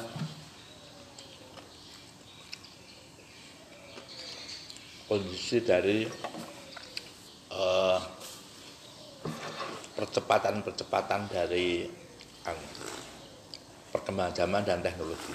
Itu kenapa hanya dibutuhkan eat, sleep sleep dan pleasure pleasure. Karena apa? Karena mereka sudah sudah anu, sudah kecenderungannya sudah anu, mengikuti terus. Polanya kan seperti itu. Pokoknya iki bariki bariki pokoknya terus baru makan wis. Iki piye iki nek renek waktu terus tidur. Wis. Iku kok ada do piknik ya. Piknik itu kan anu toh. Dari kondisi sekarang kan seperti itu, Pak. ya ya makanya Jadi kita terbawa arah itu. Nah, itu. ya makanya jadi apa eh, prinsip hidup eh, eat sleep and pleasure makan tidur dan plesir piknik gitu. Ini seolah menjadi menjadi eh, kerangka dasar eh, berpikir praktisnya hidup sekarang itu jadi itu. Sementara unsur-unsur eh, yang keempat yang yang penting misalnya praying gitu ya. Praying itu beribadah berbeda atau itu itu nyaris tidak tidak ada dampaknya jadi eh, kalau sebagian orang menilai bahwa itu prinsip hidupnya orang hedonis ya. Hedonis. Jadi orang yang senang menikmati kesenangan dunia ya. Makan tidur bersih. Dengan berbagai ukuran dan skalanya ya. Ukuran dan skala itu. Nah tapi artinya kalau bagi muslim tidak cukup itu aja. Tidak juga Tidak juga kembali lagi. Ya yang kita bahas awal tadi. Hmm, jadi kita yang udah jalan itu kita evaluasi dulu. Kita buat perencanaan yang skala prioritas. Terus kita lakukan eliminasi dari waktu-waktu yang tidak berguna tadi untuk kita prioritaskan baru kita tata baru itu. Ya, memang eh, para pemirsa dan pendengar eh, podcast Mutu Kehidupan, eh, Islam sendiri juga menganjurkan kulu wasrobu, ya, eat, eat and drink ya. Tapi apa? Walatus ribu jangan berlebih-lebihan, gitu kan ya. Kemudian sleep, sleep eh, tidur kita juga diperintahkan untuk untuk tidur. Itu karena bagian dari kewajiban makhluk, ya, kewajiban makhluk supaya kita beristirahat. Pleasure eh, atau piknik atau bersantai-santai kita juga diperintahkan fasiru fil ard fayandru kaifa kana ibatul mukadzibin pergilah engkau di muka bumi dan lihatlah bagaimana kesudahan orang-orang yang mendustakan ayat-ayat Allah artinya juga belajar itu. Tapi di samping itu lebih dari itu adalah kita harus juga eh, di samping pray berdoa dan beribadah kita juga share. Berbagi ya berbagi. Zakat, sodako, sedekah, pameran dan sebagainya. Jadi ada ada yang diputus ya oleh oleh kaum hedonis dari empat ini. Eat, sleep, uh, pleasure hanya dihentikan di sini. Sementara ada dua lagi adalah pray and share ini di- diputus. Saya kira itu Pak Joko ya. Terima kasih Pak Joko atas uh, diskusi paginya meskipun uh, ini setelah jadi dokter kayak mikirnya agak tidak sederhana kayaknya sekarang. Ya, tidak sederhana gitu. Karena ini perspektifnya terlalu luas ini. Itu tambah. Jadi, jadi, jadi agak, tidak- sebenarnya sederhana mulia tapi apa cara mikirnya yang tidak sederhana sehingga kemudian mohon maaf para pemirsa sekalian agak sulit. Eh, tapi ini karena juga lama tidak siaran sehingga kemudian eh, Pak Joko baru selesai disertasinya sehingga hal yang sederhana pikirannya banyak gitu. Terima kasih atas eh, perkenan untuk mendengarkan dan kita akhiri dengan bacaan bersama. Alhamdulillahirobbilalamin. Assalamualaikum warahmatullahi wabarakatuh. Coba di review Pak.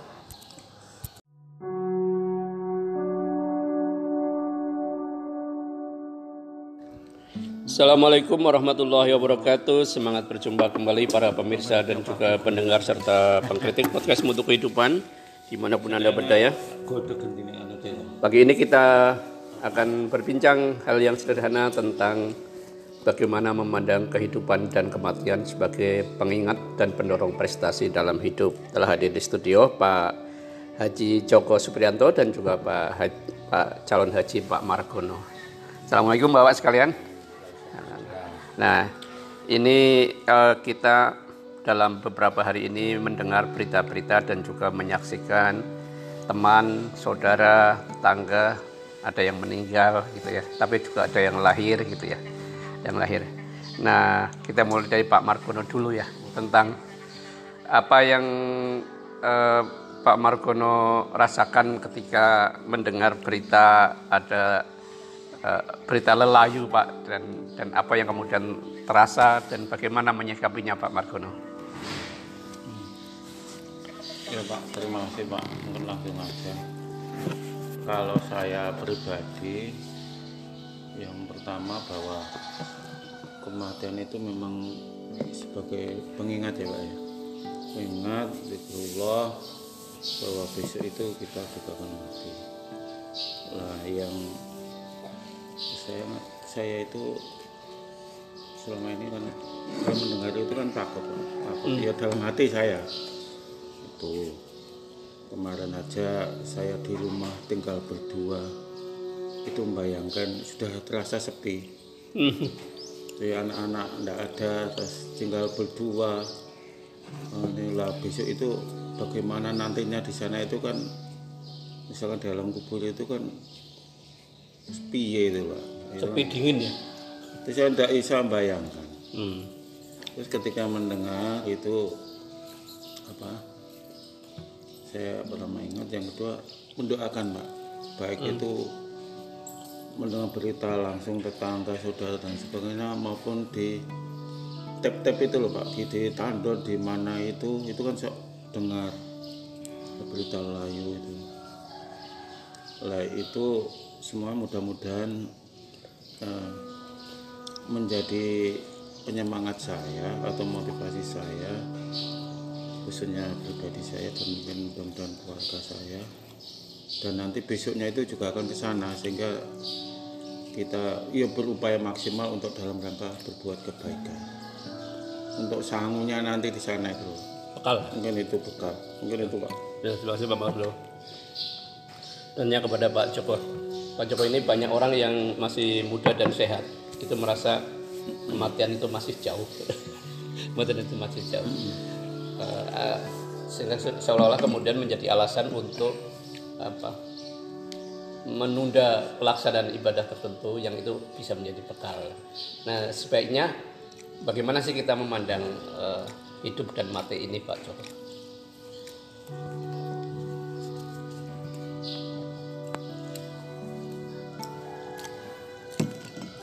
Terima kasih Pak Taryanto. Bagaimana kita memandang hidup dan mati eh, dari perspektif karangan muda ya. Ya memang eh, tidak disadari bahwa eh, kehidupan kita itu kehidupan kita ataupun hidup kita di dunia ini memang penuh dengan apa ya penuh dengan misteri tentang kematian untuk memahami itu kadang orang hanya melihatnya ketika kejadian saja. Jadi kejadian ketika kejadian sudah meninggal mereka ya udah kita lihat sudah meninggal itu aja. Jadi tidak tidak apa ya tidak memperhatikan sebelum sebelumnya dan tidak kita ambil dari hikmahnya eh, ketika kita melihat eh, apa itu orang yang meninggal. Ya. jadi Ya, yang meninggal ya ya wis ditamati terus engko di anu terus Ya, barang lumrah bar- barang rumah itu kadang itu nah, ya, itu kadang kita melihatnya seperti itu seperti kita layak atau tak aja itu ya itu nanti terus gorono terus akhirnya ya tidak ada pengaruh sama sekali terhadap Biasa ini. saja. ya biasa saja itu yang yang kadang kadang Iman-iman. ini menjadi introspeksi kita jadi bar- bari bukan pada di diri si mayitnya jenazah tapi pada kita jadi ka- kadang kita itu menik, eh, mengharu ada me- merasakan hanya hal yang biasa. Tetapi sebetulnya itu adalah ibroh atau pengingat. Pengingat kepada kita. Ternyata ingko ada seperti itu. Makanya ketika kita me- eh, melihat atau mengamati atau kita me- merasakan ada tetangga kita atau saudara kita menikah tentunya kita eh, ya mengevaluasi diri kita malah. Jadi apakah kita sudah siap atau betul nanti kalau seperti itu tidak berdaya dan tidak apa. Sehingga kita bisa untuk mengantisipasinya. Nanti seharusnya dengan dengan apa ya semakin semakin Persiapan dalam persiapan yang lebih iya, lah ya itu ya. dalam beribadah. tunggu dalam beribadah atau menambah amalan-amalan yang yang yang perlu itu. Tentunya dengan doa lah doa. Kalau paling tidak kita doa sehingga kita eh, paling tidak kita nanti ketika diwafatkan oleh Allah itu dengan husnul khotimah itu saja insya Allah itu menjadi bagian penting dari evaluasi kita ketika kita eh, melihat mengalami ataupun melakukan takziah itu. Gitu Pak Tarian Kalau husnul khotimah itu sesuatu yang terjadi dengan sendirinya atau sebuah eh, sebuah simpul akhir dari sebuah proses yang panjang Pak? Husnul khotimah itu memang kalau kita kita apa ya kita ucapkan itu kan ini gampang sekali. Ya moga-moga husnul khotimah. Tetapi karena itu tadi misteri tadi sehingga kita kapan dan di mana dan apa kegiatan ketika kita menjelang itu kan kita tidak tahu. Sehingga husnul khotimah itu harus kita persiapkan terus menerus. Bukan jadi bukan- tidak ada tidak ada se, se apa ya tiba-tiba gitu terus menerus. Ini. Jadi sehingga ketika karena itu tadi mas. Kematian itu misteri sehingga pada saatnya ketika kita terus menerus tidak ada jeda tidak tidak apa ya tidak berbuat baik gitu loh. Jadi akhirnya kita berbuat baik untuk menuju Iya, oke. Pak Margono, ibaratnya pohon kelapa ya Pak Margono. Kan ada orang yang dimatikan pada waktu beluluk, Sedegan. manggar, beluluk, kemudian tegan sampai matang dan sampai kiring gitu Pak ya, sampai tua. Eh, Kira-kira hal penting apa yang perlu diperhatikan Pak agar kapan pun kan karena tadi Pak Manut Pak Cawan waktu kematian itu kan misteri. Kapan pun dipanggil, diambil, gitu ya. itu dalam keadaan tidak terpaksa ya Pak ya, tapi dalam keadaan siap siap, pasrah dan ridho gitu Pak. Ya, kalau saya itu kan termasuk pelajaran juga Pak. Artinya bahwa kita itu memang harus setiap saat mempersiapkan diri untuk bekal nanti yang pertama yang kedua harus selalu ingat. Sehingga mudah-mudahan ya memang manusia tidak luput dari kesalahan ya Pak. Memang manusia itu tempat lupa dan salah. Tapi ya sekarang kita paksakan ya kalau saya. Itu harus kita berusaha untuk ingat. Makanya eh, pelajaran sahabat Nabi itu membuat galian kubur itu kan di kamarnya Pak itu itu bagus sekali karena mereka setiap saat bahwa saya besok itu mau ke sini besok saya itu mau ke sini arahnya.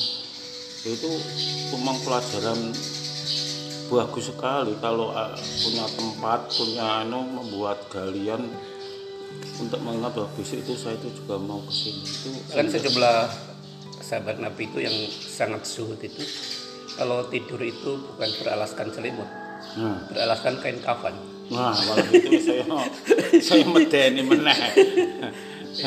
Ya. dan kemudian yang kedua salah satu ancaman yang disampaikan oleh Nabi itu kan begini.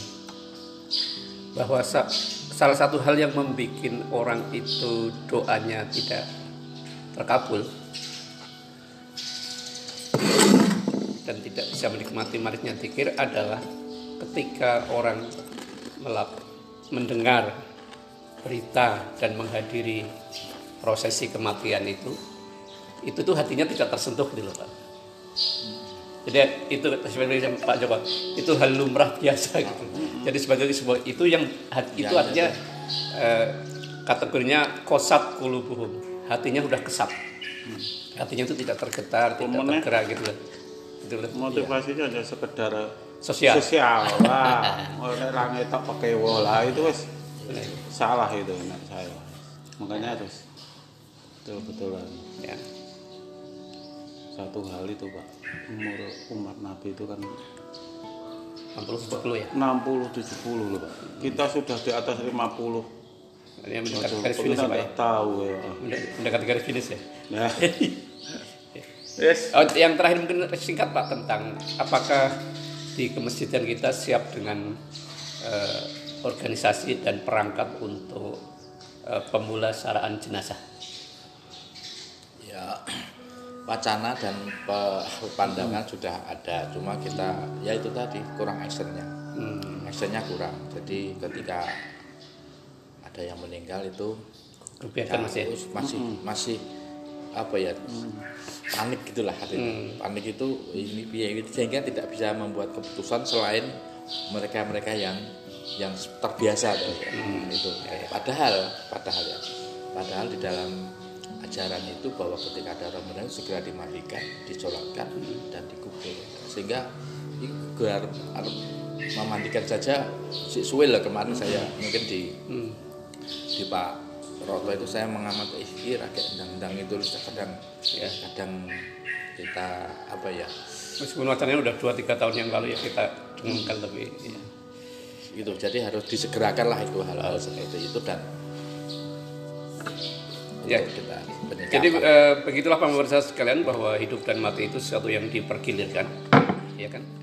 Dipergilirkan dan eh, mengho- eh, meng- mendengar, menghadiri dan menyelenggarakan eh, pemulasaran jenazah itu bagian dari kewajiban kita secara secara komunal dan yang ketiga bahwa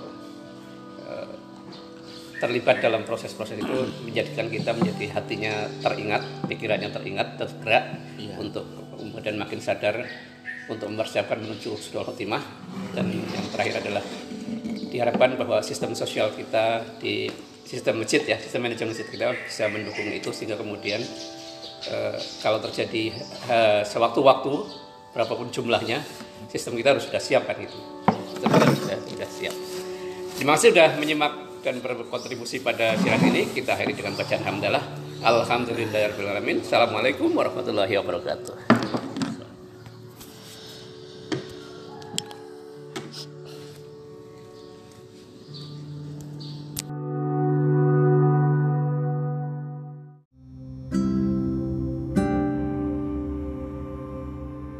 Assalamualaikum warahmatullahi wabarakatuh. Semangat jumpa kembali para pemirsa dan pendengar podcast Mutu Kehidupan di mana pun Anda berada.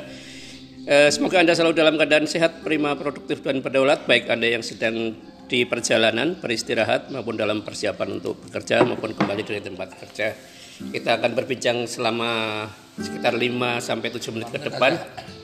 Ya, ya 5 menit eh, terkait dengan eh, Bagaimana kita menyikapi suasana media massa kita dan apa yang perlu kita lakukan? Kita mulai dulu dari dari Pak Joko ini.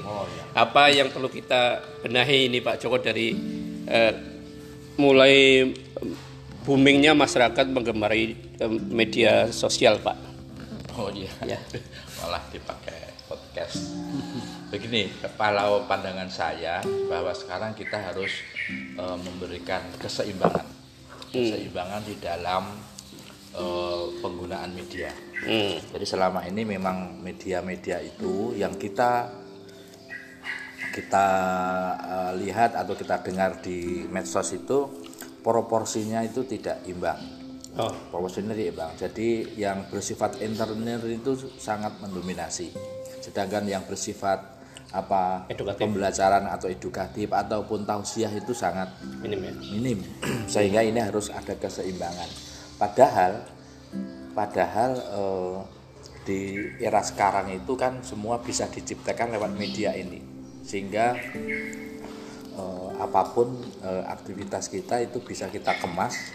Apakah ini yang real yang real atau ini yang setting atau apakah ini yang apa ya abu-abu lah istilahnya itu Nah, kebanyakan ini, kebanyakan itu eh, yang banyak itu adalah yang eh, reali, eh, yang yang settingan. oh Jadi hal yang hal-hal yang tidak manfaat itu kadang mendominasi. Bah, bah- sedangkan yang bersifat edukasi itu kan real, tak? kalau edukasi kan real itu yang kurang sehingga kita perlu untuk menyeimbangkan atau menyetarakan termasuk juga yang mengejar ketertinggalan ini agar dunia maya kita itu eh, berisi konten-konten yang eh, bermanfaat, konten-konten yang berisi, konten-konten yang mencerahkan. Saya kira itu Pak Karyanto. ya mungkin ke Pak Margono singkat Pak Margono ya kalau selama ini eh, dari waktu yang dipakai untuk eh, melihat media sosial Pak biasanya menu apa saja Pak yang yang banyak dilihat pengalaman Pak Margono Kalau saya itu seperti yang disampaikan Pak Joko itu masih dominan ke hiburan. iya, betul itu. Iya. Ternyata misalkan ya segoro isine guyonan cengengesan sama film-film itu masih dominan. Saya yang unsur pendidikan, dakwah dan lain sebagainya itu jauh jauh lebih kecil. Makanya kalau saya terus terang kalau itu boleh saya katakan malah 80% hiburan yang saya lihat.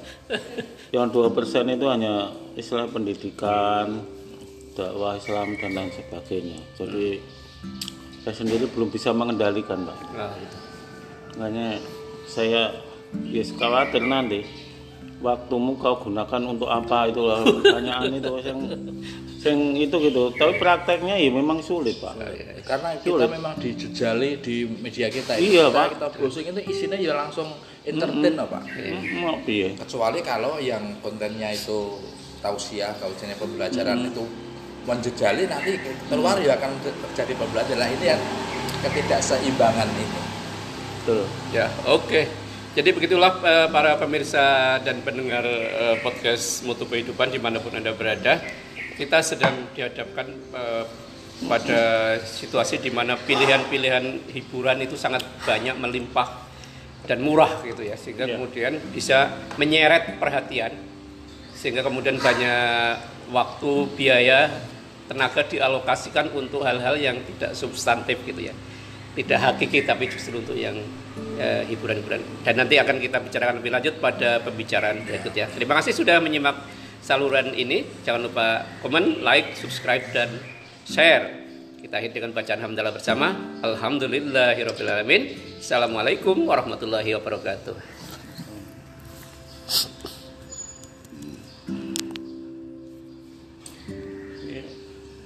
Evaluasi.